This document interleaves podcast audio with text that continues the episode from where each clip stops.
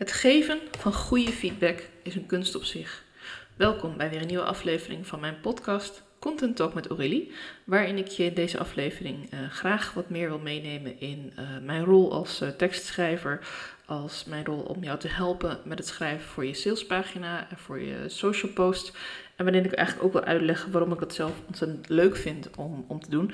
Maar het kan ook ontzettend lastig zijn. Want goede feedback geven, een tekst redigeren, uh, iemand mogelijk ook wat positieve dan wel negatieve kritiek moeten geven ergens over. Je hebt het vaak wel over een product waar iemand een tijdje aan heeft gewerkt. En als ik bijvoorbeeld kijk naar een tekst van iemand, uh, noem het voor een nieuwsbrief, noem het voor een, um, een mailing aan klanten. Uh, denk bijvoorbeeld ook aan je webteksten voor je salespage. Misschien een mooie social post die je hebt geschreven. En eigenlijk valt het mij al direct op dat je niet echt met de deur in huis valt met je eerste zin. Dat je eigenlijk een beetje voortkabbelt en dat de boodschap die je heel graag wilt delen met je klanten, met je volgers, met je lezers, dat die pas helemaal achteraan komt. En dat ik eigenlijk al, nou ja, het is dat ik hem moet lezen, je tekst, maar ik vind hem vrij lang. En ik heb eigenlijk zoiets van, ja, had ik dit, als ik gewoon deze post had langs zien komen, of als ik deze mail in mijn inbox had gevonden, had ik hem dan ook helemaal van boven tot onder gelezen. Kortom, um, er zijn altijd wel wat dingen te vinden uh, die misschien niet helemaal goed zijn aan een tekst. En dat komt omdat het veel lastiger is om iets nieuws te creëren, om een nieuwe tekst te bedenken, om woorden vanuit je hoofd op papier te zetten. Uh, dat, of dat nu met pen is of met een toetsenbord.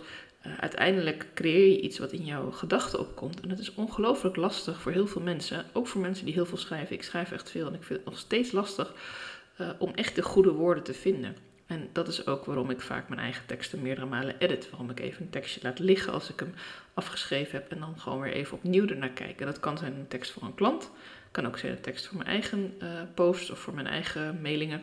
Een enkele keer uh, gooi ik hem er in één keer uit en denk ik, nou het zal wel. Uh, ik heb nu gewoon echt even helemaal geen zin meer. maar dan altijd nog zal ik hem nog drie keer doorlezen daarna, ook al staat hij er al. en ook al kan ik er dan eigenlijk helemaal niks meer aan doen om toch te denken, hé, hey, had ik dat niet beter kunnen doen? En het gebeurt zeer zelden dat ik er dan niet nog een spelfout uithaal. Of dat ik denk, hé, hey, die zin had toch anders kunnen lopen. Of weet je, het is echt veel makkelijker om een tekst van iemand anders te redigeren. Waarom? Omdat dan de boodschap, de centrale gedachte, hetgene wat jij wilt delen, dat staat er al in principe. Tenminste, ja, dan ga ik daar maar even vanuit dat het er staat. Want als het er niet staat, dan is dat misschien de grote vraag waar je op geëdit moet worden. Um, maar het is echt wel makkelijker om ergens op te schieten. Ik heb zelf uh, jarenlang communicatietaken gehad binnen verschillende organisaties. Uh, als projectmanager, communicatiemedewerker, communicatiemanager. Nou, de verschillende type rollen gehad. Uh, het kwam eigenlijk altijd op hetzelfde neer. Hier we gaan iets organiseren of er komt een nieuw project aan. Of we gaan een nieuwe call aanmaken voor iets. schrijf even een tekstje. Schrijf even een tekstje. Hoor je hem? het is niet even en het is zeker niet een tekstje. Zelfs al is het maar uh, tien regels, dan is het echt nog wel iets waar je even voor moet gaan zitten. Waar je even in de goede stemming moet komen, even het verhaal weer bij moet pakken, even de, de punten die je wilt benoemen, even voor de geest halen. Misschien wil je eerst een paar bullet points uitschrijven. Nou, dit moet er zeker weten in. Misschien heb je een goede call to action, zet je die al uh, vooraan of uh, neem je die mee in de tekst of definieer je die helemaal op het einde. Er zijn bepaalde dingen die je van tevoren even gaat bedenken voordat je even een tekstje schrijft.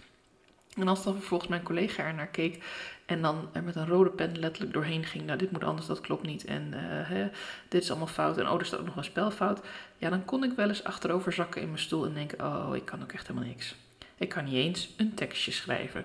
Terwijl nu, nu ik al veel verder ben en uh, eigenlijk ook al mij echt aan het richten ben op het tekstschrijven voor anderen, uh, heb ik natuurlijk nog steeds die innerlijke criticus op mijn schouder zitten. Het is echt niet dat hij ineens uh, een vlucht naar Bonaire heeft genomen en denkt, nou Ollie, je kan het nu, succes. Nee, ik hoor nog steeds stemmen in mijn hoofd die zeggen, nee, dit is niet goed genoeg, nee, dit is niet leuk genoeg. En als ik dan teksten voor anderen schrijf, dan, dan heb ik ook nog de neiging om het weggestuurd te Dan denk ik aan de ene kant, nou, dit vind ik echt een goede tekst. Dit is echt de boodschap die zij wil delen. Uh, in haar eigen woorden zoveel mogelijk. Uh, ik ken haar al een tijdje, ik werk al een tijdje met haar samen. Ik weet hoe zij bepaalde dingen wil benadrukken, hoe ze bepaalde dingen wil zeggen. Ze heeft nog de ruimte om ook zelf daar dingetjes nog in aan te passen. Uh, het hoeft van ons ook nooit helemaal 100% sluitend te zijn, want ik spreek altijd met mijn klanten af dat je zelf ook nog iets mag aanpassen. Dat je zelf kleine dingetjes kunt aanpassen. Als je grote dingen wil aanpassen, mag je het altijd naar me terugsturen. Dan hebben we altijd nog een dag uh, om het nog aan te passen, om correcties door te voeren. Dus er is altijd ruimte om te redigeren, om te editen. En die ruimte mag ik mezelf ook geven. Als ik een tekst schrijf voor iemand, dan mag ik ook ervan uitgaan dat diegene daar misschien wat over te zeggen heeft. Het kan zijn dat de tekst niet zo goed is, maar het kan ook zijn dat zij van gedachten veranderd is. Of dat ze denkt, oh ja, maar toen dacht ik dat ik die boodschap wilde delen. Maar nu ik dit lees, denk ik, nee, het moet nog meer gefocust op dit of op dat. Want wat we ook vaak zien als we iets gaan maken, dan, dan staat het er ineens. Dan is het er en dan kun je er inderdaad op schieten. En dan kun je er ook naar kijken van, hé, hey, is dit wel wat ik wilde delen? Is dit wel de boodschap die ik nu het allerbelangrijkste vind? Is dit wel het verhaal dat ik vandaag met jou wil delen? Is dit hetgene waar jij al die tijd op zat te wachten en wat ik nu met jou mag gaan delen? Dus vandaar dat het ook heel vaak veel makkelijker is om uh, feedback te geven op een bestaande tekst. Um, en om dat een beetje te voorkomen en een beetje een zachte landing voor jezelf te maken, als je dan toch zelf met je tekst aan de slag wil gaan, uh, begin gewoon klein. Begin inderdaad met het opzommen van de punten die je wilt benadrukken in je tekst. Ga niet meteen voor lopende zinnen, uh, maar schrijf gewoon in bullets op van, uh, nou, waar ga ik over beginnen? Uh, wat is mijn kernboodschap? wat wil ik zeker weten dat mensen weten als dit artikel of dit post heb gelezen? En wat is mijn call to action? En dan ga je schrijven en dan kijk je of je die elementen en die woorden daarin mee kunt nemen. En als dat niet precies lukt, kun je dan in ieder geval een benadering. Kun je wel zorgen dat de centrale boodschap goed naar voren komt. En daarna ga je pas kijken, oké, waar open ik mee? Wat is mijn knalende opening? Stel ik een vraag? Daag ik mijn lezer uit? Ga ik aan de slag met um, wat hij precies wil weten in deze tekst? Ga ik een hele korte samenvatting van één zin geven, wat men daarna ga uitwerken in een langere tekst? Dat werkt bijvoorbeeld ook goed bij een blog, dat je een statement maakt waar je eigenlijk dan vervolgens een, een soort ja, uh, opbouw naartoe maakt in je tekst. Uh, kortom, je hoeft niet in één keer een goede tekst op papier te zetten. Je mag er stapjes uh, voor zetten en je mag het ook even laten liggen en dan gewoon een ander moment verder gaan. Je kunt ook een tekst schrijven, gewoon zo uit de losse pols, bam, bam, bam, staat op papier. Dan even een dag laten liggen en dan terugkijken, heb ik alles gezegd. Um, soms is schrijven ook schrappen. Dat uh, merk ik vooral bij mensen die wat langere teksten schrijven, die ook boeken schrijven. Schrijven is schrappen. Want naarmate je langere teksten gaat schrijven, uh, ga je misschien dingen herhalen. Uh, als je dan terugleest, dan denk je, hé, hey, maar dat heb ik al ergens gezegd. En hier zeg ik het eigenlijk beter. Zal ik dan die zin naar voren halen? Uh, soms verander je bepaalde plaatsen van zinnen, zeker in een blogartikel of in een longread.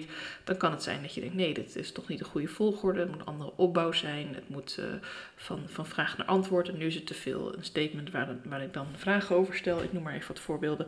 En zo kun je dus ook gaan schuiven met je tekst. Maar wees dan altijd heel bewust dat je hem nog een keertje doorleest. Van, hé, hey, alles wat ik nu verplaatst heb teksten die ik geëdit heb, teksten die ik veranderd heb, loopt het nog als een lopend verhaal. En daar kan ook heel goed iemand anders even bij helpen om het gewoon even door te lezen. Diegene ziet het voor het eerst, diegene leest het misschien ook met een hele andere blik. Uh, dat hoeft ook niet altijd iemand te zijn die precies de inhoud van je tekst begrijpt. Um, wat ik zelf veel heb, gedaan, ik werkte veel in de life sciences, uh, medische technologiewereld. Dus ik las regelmatig ook teksten, persberichten en uh, teksten over onderwerpen waar ik zelf inhoudelijk niet heel veel van begreep, omdat het gewoon heel technisch was en echt ging over dingen die in het lab gebeurden of um, in grote machines, in, in grote faciliteiten van bedrijven.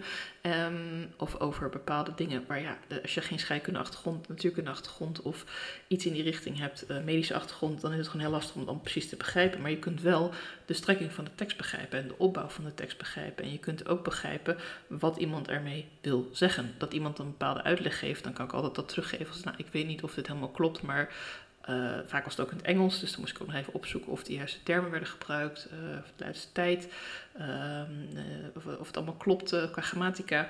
En soms gebruikten we daar ook wel eens inderdaad een native speaker voor als het echt een hele belangrijke tekst was. maar veelal kan ik ook met mijn eigen achtergrond en Engelse taalstudie daar een heel eind in komen. Um, dus het is gewoon heel erg goed uh, hoe belangrijker je tekst wordt om gewoon samen te werken met iemand eraan. Om het niet allemaal op jezelf te blijven laten liggen. En dat geldt ook voor je kleine tekstjes. Dat geldt ook voor je Instagram post. Dat geldt ook voor een losse LinkedIn post.